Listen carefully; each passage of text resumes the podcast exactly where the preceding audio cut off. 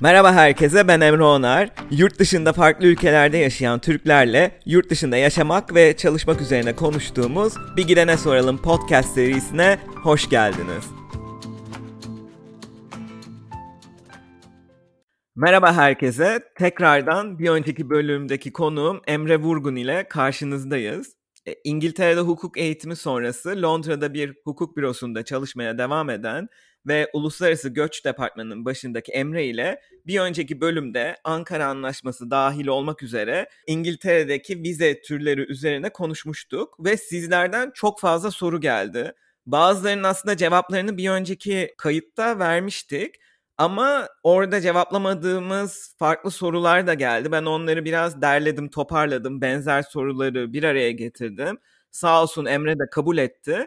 Ve böyle ufak bir soru cevap bölümü yapalım dedik. Hem Emre'nin kendi hikayesi dinlemek hem de vizelerle ilgili bilgi almak için bir önceki bölümü de kesinlikle dinlemenizi tavsiye ederim. Dediğim gibi bu bölümde bu sizlerden gelen sorularla ilgili kısa bir soru cevap bölümü yapacağız. Ee, öncelikle tekrardan katıldığın için çok teşekkürler Emre. Hoş geldin. Hoş bulduk Emre. Beni konuk ettiğin için tekrardan teşekkür ederim. Ee, o zaman sorularla başlıyorum. Senin de vaktini çok almadan. Ee, Ankara Anlaşması'nda son durum nedir? Bize 27 Ekim'de yapılan açıklamayı kısaca anlatabilir misin? Son başvuru tarihi 31 Aralık mıdır kesinlik olarak? Ee, 2020 sonuna kadar olan başvuruların hepsi değerlendirilecek mi? Bu şekilde çok fazla soru gelmiş. Hı hı, tabii ki. Ee, 31 Aralık'ta İngiltere'nin Avrupa Birliği ile ilişkisi tamamen kesilecek. Bununla birlikte 31 Aralık sonrasında Ankara Anlaşması yeni başvuranlar için yürürlükten kaldırılacak. Hani daha önceden de belirtmiştim zaten. Ankara Anlaşması İngiltere'nin Avrupa Birliği üyeliğinden dolayı Türk vatandaşlarının faydalanabildiği bir vize türü. Ve İngiltere Avrupa Birliği'nden de çıktığı zaman artık bunun bir etkisi kalmayacak. 22 27 Ekim tarihinde konsolosluğun yaptığı açıklama aslında Home Office'in 20 Ekim tarihinde yayınladığı e, ve parlamentoda onaylanan göçmenlik kuralları değişiklikleriyle ilgili. Hani bu değişikliklerde Ankara Anlaşması'ndaki kişiler, yeni başvuran kişiler ve e, bu kişilerin eşleri ve çocukları ile ilgili e, yeni kural değişiklikleri yer alıyordu. Hani öncelikle bu belgede ne e, şimdi onaylandı? Öncelikle 31 Aralık'a kadar Ankara Anlaşması başvurusu yapılabilecek. Yani Ankara Anlaşması başvurusunun son tarihi 31 Aralık bu tarihe kadar yapılacak olan Ankara Anlaşması başvurularının e, o tarihten sonra e, cevaplansa da değerlendirileceği bu belgede onaylandı. Aslında konsolosluğun yaptığı açıklamada bununla ilgiliydi. Dolayısıyla e, ben şu anda başvurumu yaparsam ve 31 Aralık'a kadar bir cevap alamazsam e, bununla ilgili durumum ne olur diyenlerin artık bundan sonra hani bunun cevaplarını daha da net bir şekilde biliyorlar. 31 Aralık'a kadar e, online başvuru yapmış olmaları Ankara Anlaşmaları başvurularının değerlendirilmesi için yeterli. Yani buradan e, 31 Aralık 2020'nin Ankara Anlaşması için son tarih olduğunu anlıyoruz. 31 Aralık 2020 sonrası Ankara Anlaşması bitecek mi? E, bu durumda bitecek gibi duruyor. Zaten o belgede de 31 Aralık 2020'den sonra yeni bir başvuru e, yapılamayacağı, yani yeni bir Ankara Anlaşması başvurusunun yapılamayacağı belirtiliyor. Şu anda Ankara Anlaşması vizesi olan kişilerin zaten süresiz oturum alana kadar e, Ankara Anlaşması kategorisinde devam edebileceklerin zaten yine bu belgede onaylandı. Şimdi konsolosluğun e, bu 27 Ekim tarihinde yaptığı açıklamada yer almayan bir konu şuydu. E, peki Ankara Anlaşması'nda olan kişilerin e, eşlerine ve çocuklarına ne olacak? Yani diyelim ki 31 Aralık'tan sonra ee, Ankara Anlaşması vize sahibi olan bir kişi eşini getirmek istediği zaman o zaman durum ne olacak? Tekrardan aynı koşullarda getirebilecek mi ücret ödemeden? Şimdi Ankara Anlaşması'nın en büyük avantajı ücretsiz bir başvuru olması. Ee, diğer bütün vize türlerinde, neredeyse bütün vize türlerinde başvuran kişiler için hem bir başvuru ücreti var, home office ücreti. Bunun haricinde de IHS dediğimiz zorunlu sağlık sigortası ücreti var. Bu gerçekten bütün vize türlerinde, neredeyse bütün vize türlerinde olan bir şey ve bazı vize türlerinde 2000-3000 sterline kişi başı çıkabilen bir ücret bu. Şimdi Ankara Anlaşması'nın en büyük avantajı bu ücretlerin hiçbirinin olmaması. Tamamıyla ücretsiz bir başvuru. 31 Aralık'tan sonra Ankara Anlaşması'ndaki bir kişi eşini getirmek istediği zaman e, artık Ankara Anlaşması kuralları dahilinde değil ama İngiltere göçmenlik kuralları dahilinde getirecek. E, İngiltere göçmenlik kuralları dahilinde derken e, şu anda herkesin bildiği eş vizesi kuralları dahilinde getirecek. Bunun detaylarını şu anda çok fazla açıklamıyorum. Çünkü zaten sonra bunu seninle ayrıca konuşacağız. Eş vizesinin kuralları, şartları nelerdir? E, bunu ayrıca orada cevaplayacağım. E, ama bilinmesi gereken belli şartları yerine getirmek zorunda oldukları artık eşlerin. Ve bunun haricinde belli finansal şartların olduğu ve aynı zamanda başvuru ücretinin olduğu ve zorunlu IHS yani zorunlu sağlık sigortasının e, ödenmek zorunda oldu. E, yeni kurallarla birlikte artık bunlar olacak. 31 Aralık'a kadar e, Ankara Anlaşması'ndaki kişiler eğer eşlerini İngiltere'ye getirirlerse bu kişiler de e, süresiz oturum hakkı elde edene kadar Ankara Anlaşması kuralları dahilinde değerlendirilmeye devam edebilirler. Ama çocuklar için bir değişiklik olmayacağı belirtildi. Yani 31 Aralık'tan önce de sonra da bir kişi çocuğunu İngiltere'ye Ankara Anlaşması'nda üzerinden getirmek istediği zaman getirebilecek. Bununla ilgili herhangi bir değişiklik olmadı. Anladım. O zaman yani e, kısaca Ankara Anlaşması için bireysel başvurular e, için son tarih 31 Aralık 2020. E, ama eş vizesi konusunda çeşitli değişiklikler olacak. Bunu da birazdan zaten sana soracağım. Ee, Ankara Anlaşması ile ilgili 3 soru daha gelmiş. Onları da ben kısaca bir sorayım. Öncelikle doktorlar Ankara Anlaşması'ndan faydalanabiliyor mu? Böyle bir soru geldi. Hı hı, anladım. Şu şekilde cevaplayayım. Yani şimdi Ankara Anlaşması bütün meslek gruplarını kabul eden bir anlaşma türü. Yani e, gerçekten hiçbir e, meslek grubunu e, İngiltere'ye gelmekten alıkoymuyor. Kısıtlamalar koymuyor. Ama tabii ki de belli meslek gruplarının e, belli meslek grupları için daha doğrusu İngiltere'de belli şartlar var. E, hani örneğin Türkiye'de mimar olan bir kişinin İngiltere'de mimar ünvanını kullanabilmesi için burada belirli denkli, denklik işlemlerinden geçmesi gerekiyor. Aynı şekilde Türkiye'deki e, bir avukatın ya da bir mali müşavirin gelip burada mesleğini devam ettirebilmesi için belli de, denklik işlemlerinden geçmesi gerekiyor. Ve Ankara Anlaşması'nın burada dediği şey şu, bu meslek gruplarındaki kişiler İngiltere'de gelip kendi mesleklerini devam ettireceklerse, bu alanda devam edeceklerse bu denklik işlemlerini aldıktan sonra bu profesyonel servislerini vermeye devam etmeleri gerekiyor. Şimdi doktorlar için de durum şu. Eğer yani İngiltere tabii şu anda Avrupa Birliği'nde halen olduğu için bu kurallar geçerli. Avrupa Birliği'nden çıktığı zaman kurallar ne derece değişiklik gösterecek bilmiyorum. Ama bir doktor eğer Avrupa Birliği dışında bir ülkede doktorluk ünvanı aldıysa İngiltere'de PLAB yani PLAB diye bir test var. Bu testi alması gerekiyor. Bu testi geçmesi gerekiyor. Bu testi geçtikten sonra da İngiltere'de staj yapması gerekiyor. Ancak bu test ve stajdan sonra İngiltere'de bir doktor olarak çalışmaya devam edebilir. Hani dolayısıyla e, doktorların gelip yani Ankara Anlaşması başvurusu yapması, İngiltere'de doktorluk yapması kesinlikle yasak değil. Ama tabii ki de karşılarında denklik engeli çıkıyor. Denklik alana kadar bu servisi İngiltere'de veremezler. İngiltere'de de Ankara Anlaşması'ndayken staj yapamayacakları için yani vizeleri bunu engel olacağı için aslında bir noktada Ankara Anlaşması buna birazcık engel oluyor.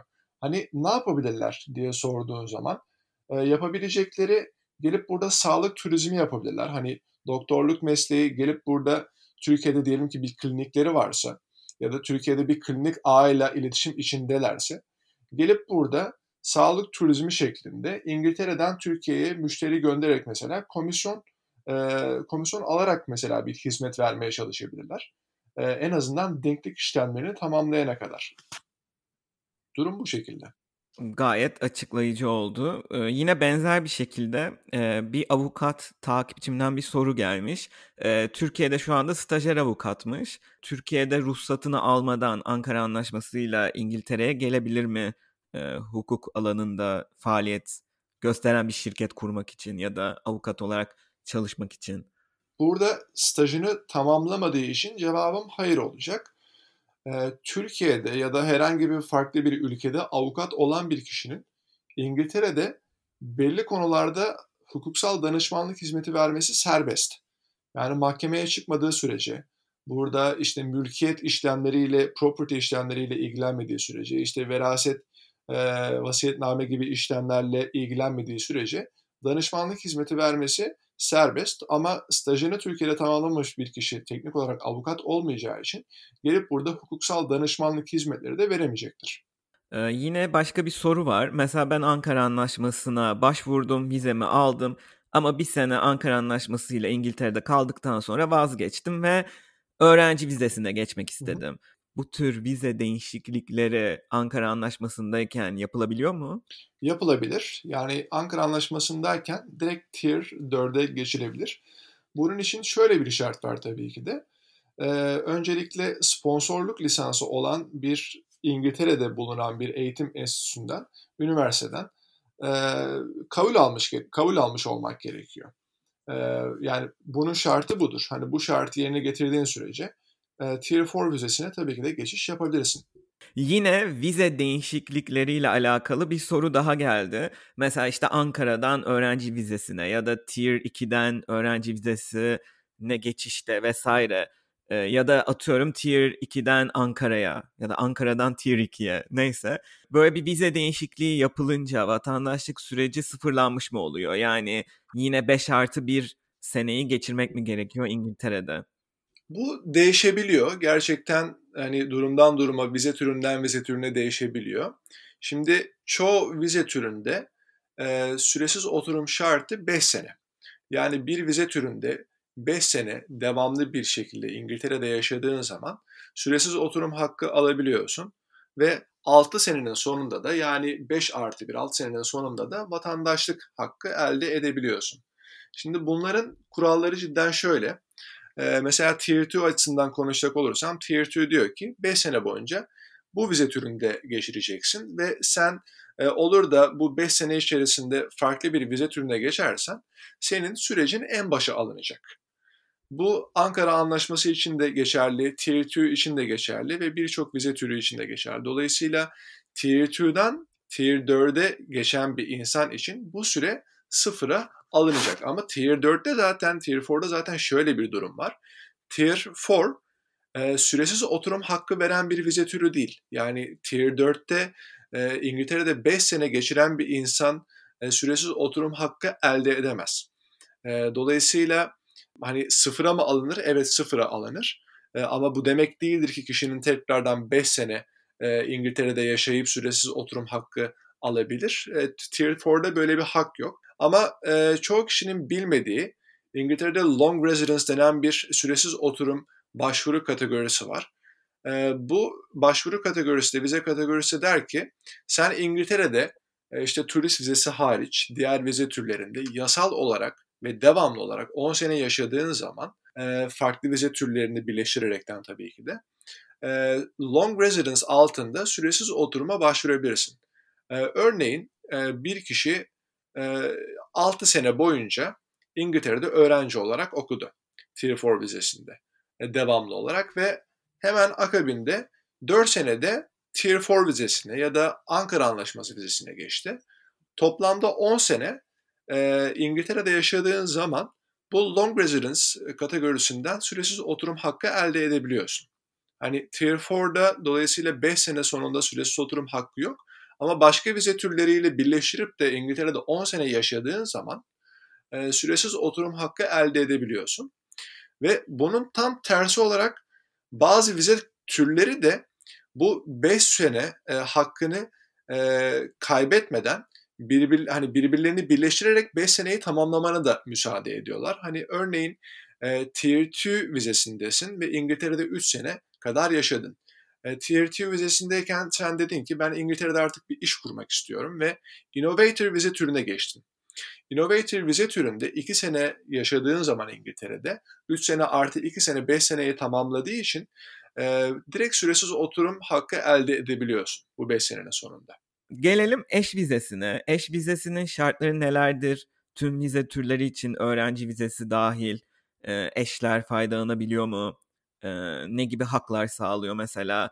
E, atıyorum eşin için çalışma izni sağlanıyor mu gibi. Bu da merak edilen konulardan biri. Öncelikle eş vizesi hani UK vatandaşı olan veya süresiz oturum hakkı elde eden kişilerin eşlerini İngiltere'ye getirmeleri için olan bir vize türü.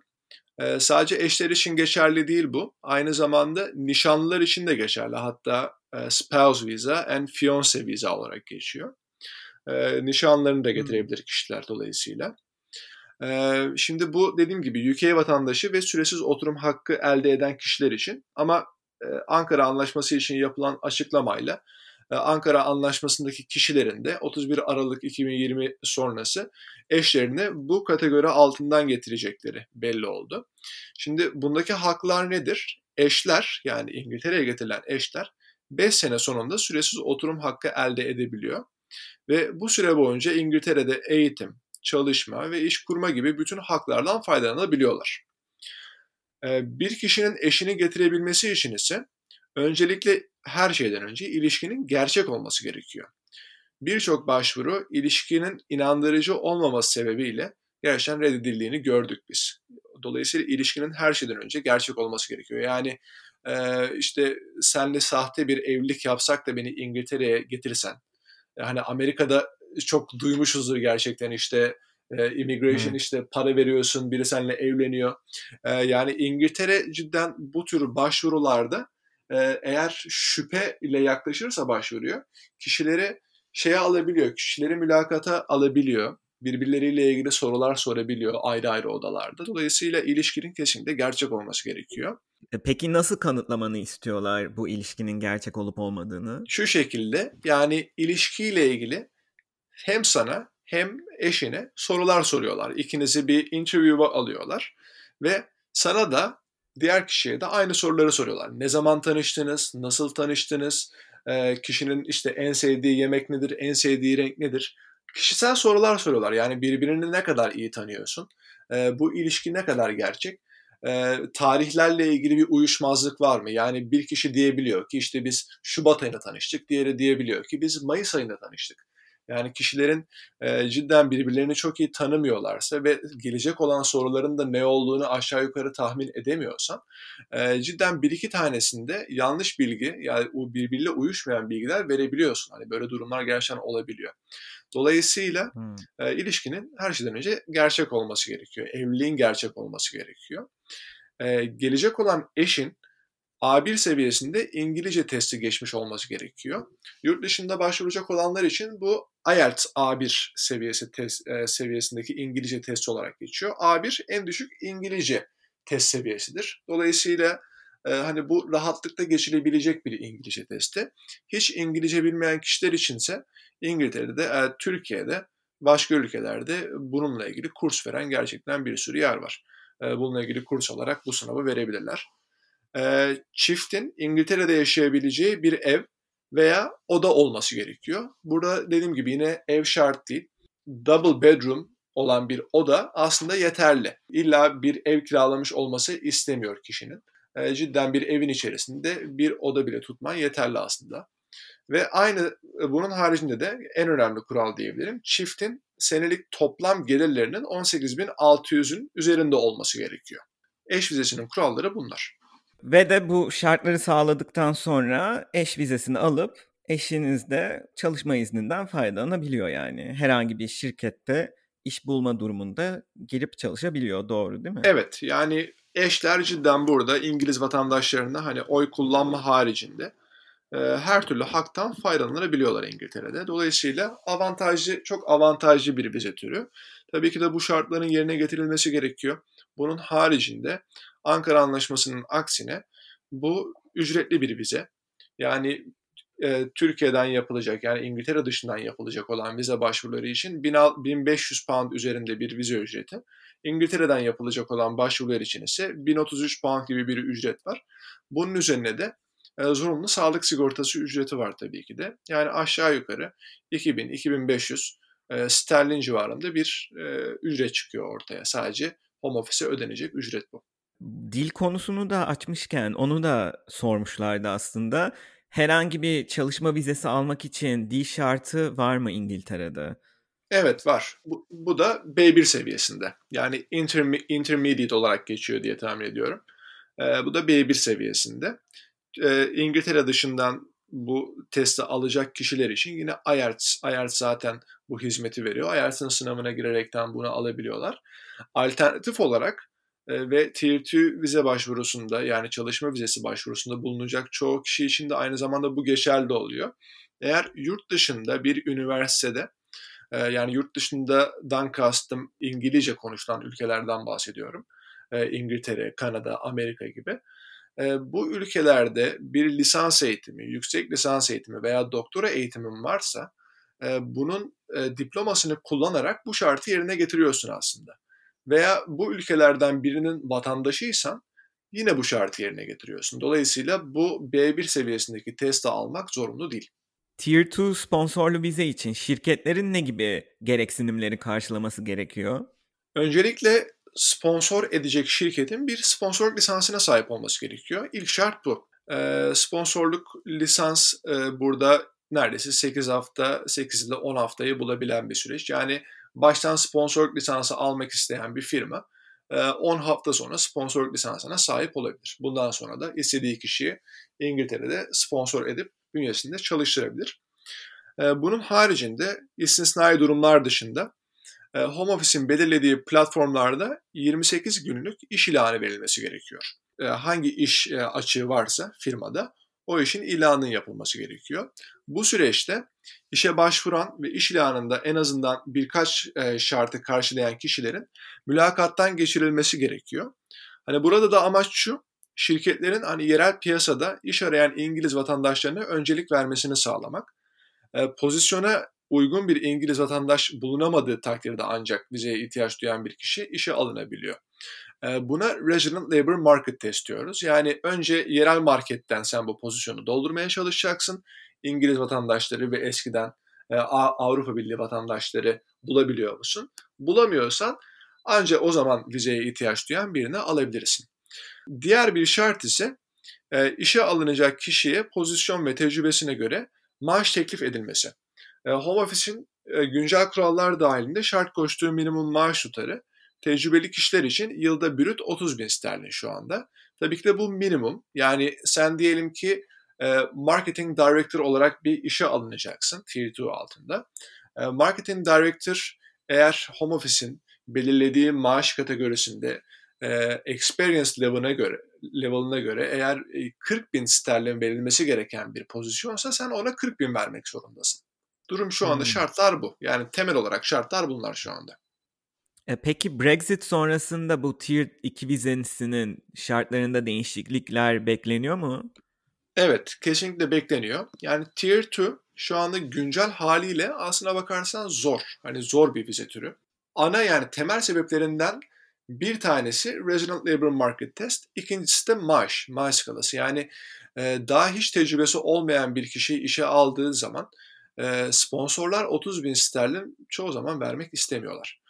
Ee, yani ne kadar hiç tecrübesi olmayan kişiler için bu maaş aslında farklı olsa da hemen experience seviyesi hani diyelim ki ilk sene 20 bin 800 bin sterlin, 20 bin 800 sterlin maaş alan bir kişi iki sene sonra birden 30 bin alması gerekebiliyor home office'in bu koştuğu şarttan dolayı.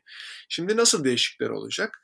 Bu yeni gelen puan bazlı sistemle birlikte. Ha, bu arada puan bazlı sistem olarak isim değiştiriyor Tier 2. Öncelikle bu 30 bin maaş şartını 25 bin 600'e çekiyorlar.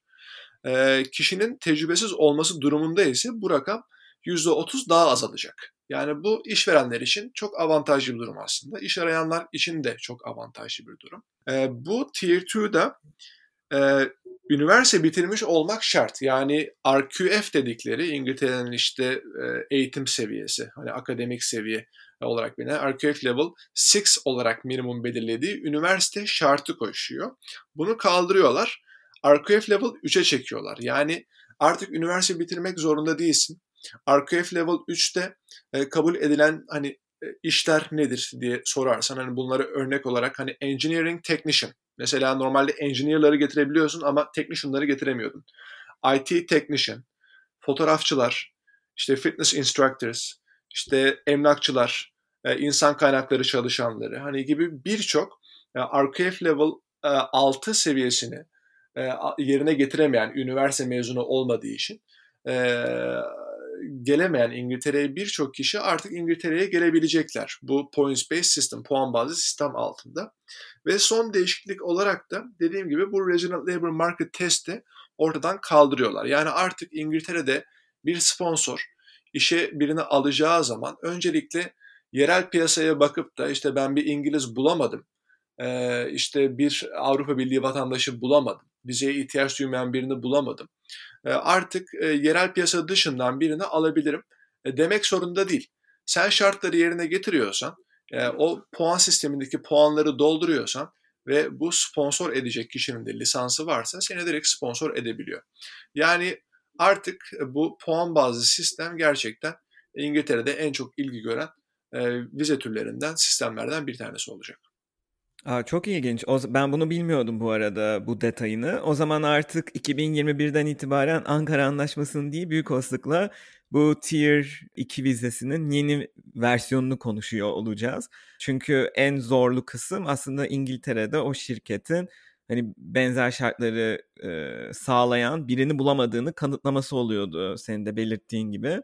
E, o zaman hani puanları sağlayabiliyorsanız, kalifikasyonunuz varsa İngiltere'ye aslında e, göç etmeniz daha kolaylaşacak diyebiliriz. Kesinlikle. Güzel bir haber bu. Ee, o zaman Türk vatandaşları için biraz avantaja geçmiş olacak Brexit. Çünkü Avrupa Birliği vatandaşları daha önceden istedikleri gibi buraya gelip taşınabiliyordu. Şu an aslında herkes aynı noktadan başlayacak e, gibi bir durum olacak. Yani kendinizi geliştirirseniz e, dil yetkinliği olsun, diğer işinizle alakalı yetkinlikler olsun. E, İngiltere'de iş bulmanız e, daha kolay olacaktır diye düşünüyorum. Çok daha kolay. Çok daha kolay ve Türkiye'de gerçekten e, hani biz çalıştığımız e, müvekkil yani portfolyolarından yola çıkaraktan söylüyorum. Gerçekten çok fazla kalifiye insan var ve birçoğu e, hani Ankara Anlaşması yapmak durumunda da kalıyor. Yani kendine sponsor bulamıyor çünkü. O kadar çok Avrupa Birliği ve İngiliz vatandaşı var ki bu şartları yerine getirip de gerçekten İngiltere'de bir sponsor kendine bulamıyor. Aslında yapmak istedikleri şey İngiltere'de bir firmada çalışmak. Zaten yaptıkları şeyde düşündüğün zaman 6 ay ve 1 yıllık e, kontratlarda çalışarak farklı farklı firmalarda çalışıyorlar. Hani bu tür kalifiye insanlar için artık İngiltere'ye gelip de çalışmak çok daha kolay olacak artık. Çok güzel bir haber bu. Bunu da öğrenmiş olduk. Bak bunu bir önceki şeyde sormamıştım. Ee, son bir sorum daha var. Ee, çalışma vizesini veya vatandaşlığa giden süreci negatif etkileyebilecek durumlar nelerdir? Ee, çalışma vizesinden başlayayım. Öncelikle sponsor edilen iş dışında bir işte çalışmamaları gerekiyor. Ee, bu gerçekten önemli e, hani belli düzenlemeler yapılabiliyor. İşte seni bir şirket sponsor ediyor ama sen aslında başka bir şirket için çalışıyorsun. Hani başka bir şirket için kağıt üzerinde çalışmaktan bahsetmiyorum bu arada. Fiziksel olarak gerçekten seni employ eden, seni işe alan şirkette çalışmaktan bahsediyorum. Çünkü diyelim ki home office seni sponsor eden yere denetim yapmaya gitti. Denetim yapmaya gittiği zaman senin ofiste olmaman ve senin e, müdürüne sordukları zaman nerede olduğunu bilmiyor olması gerçekten çok büyük bir sorun. Hani bu hmm. seni sponsor eden firmanın sponsorluk lisansının iptal edilmesi demek. Ee, en azından geçici bir süreliğine durdurulması demek. Ee, senin vizeden çıkartılman demek. Bu büyük problem oluşturabiliyor. Dolayısıyla seni hangi firma sponsor ettiyse o firmanın bünyesinde çalışman gerekiyor. Ve sponsorunun da senin ne yaptığını biliyor olması gerekiyor. Yani e, gerçekten günün hangi saatinde, e, hangi günde, nerede çalışıyorsun, hangi proje üzerinde çalışıyorsun. Bunların hepsini bütün bilgilere hakim olması gerekiyor. Sponsorluk açısından yani çalışma vizesi açısından söyleyebileceğim bu. Buna dikkat etmeleri gerekiyor. E, vatandaşlık açısından ise e, gerçi vatandaşlık e, biraz daha farklı bir durum. Şöyle hani 5 sene sonunda süresiz oturum alıyorsun normalde. 6 sene sonunda da vatandaşlık alıyorsun. Yani 5 süre oturum aldıktan sonra 1 sene sonra vatandaşlık alabiliyorsun. O vatandaşlık başvurusunu yaparken İngiltere dışında 90 günden fazla bir süre geçirmemiş olmanı istiyorlar o bir sene içerisinde. Vatandaşlık sürecini daha da uzatabilecek bir etken de budur. Yani bunun haricinde göçmenlik kurallarına hani uymak gerektiğini zaten söylememe gerek bile yok. e, İngiltere'de İngil yani İngiltere'nin kendi yasalarına uyman gerektiğini söylememe zaten gerek yok. Çünkü gerçekten bir e, adli sicilin olduğu zaman bu bütün göçmenlik sürecini etkileyebiliyor. Özellikle e, bir ceza aldıysan, hani gerçekten bir mahkeme süreci yaşıyorsan, e, bir hapis cezası yediysen e, bu ülkeden atılmana, vizenin iptaline ve ülkeye e, belli bir süre girememene sebep olabiliyor gerçekten. Ülkenin kendi kurallarına uyman gerekiyor. Yani bunun içerisine şey de dahil bu arada. İşte hız cezası yemek, trafik kurallarına uymak, hani bu tarz ah, basit cezalardan da bahsediyorum aslında. E, bunlara gerçekten bunlarla uyumlu bir şekilde yaşamak gerekiyor. Bunlara uyarak yaşamak gerekiyor. Aslında onu da soracaktım. Mesela park cezası alsan ya da atıyorum hız cezası alsan aslında ufak gözüken şeyler hani trafik. Etkileyebiliyor. Gerçekten mi? Etkileyebiliyor. Oo. Evet. Çünkü sonunda bir fine var. Hani bir fine olduğu için zaten e, bu kurallara uymamak hani fine veya prosecuted diyor zaten. E, bununla bir hapis cezası da yiyebilirsin. Bununla ilgili bir para cezası da alabilirsin. Bu kurallara uymamak gerçekten göçmenlik durumunu İngiltere'deki et, etkileyebilir. Dolayısıyla İngiltere'de çok uslu vatandaşlar olarak yaşamak gerekiyor. evet, e, bunu da öğrendiğimiz iyi oldu. Yani park cezası bile yememeniz gerekiyor sürecinizi etkilememek için. E, bu şekilde gelen sorular özetle bunlardı Emre. E, daha fazla benim de aklıma açıkçası bir soru gelmiyor. E, eğer varsa yine sorunuz Instagram'da yazabilirsiniz. E, bu şekilde çok teşekkürler. Senin eklemek istediğin bir şey var mı? Hayır yani sorular oldukça detaylıydı zaten e, Ankara Anlaşması sonrası kişilerin başvurabileceği e, vize türlerini de detaylı bir şekilde e, açıkladı e, verdiğim bilgiler. E, hani bunun haricinde bir soruları olursa, bir soru olursa zaten sana iletirler, sen de bana iletirsin. Ama aklıma başka hiçbir şey gelmiyor bunların haricinde. Tamamdır o zaman. Gerçekten tekrardan zaman ayırdığın için çok teşekkür ederim Emre. Ben teşekkür ederim beni konuk ettiğin için tekrardan. Ee, güzel bir sohbetti. Ee, kendine çok iyi bak. Görüşürüz. Dinlediğiniz için çok teşekkürler. Farklı alanlardaki insanların hikayelerini dinlemek için takipte kalmaya devam edin. Ayrıca Instagram ve Twitter'da Bir Gidene Soralım hesaplarını da takip edebilirsiniz. Hoşçakalın.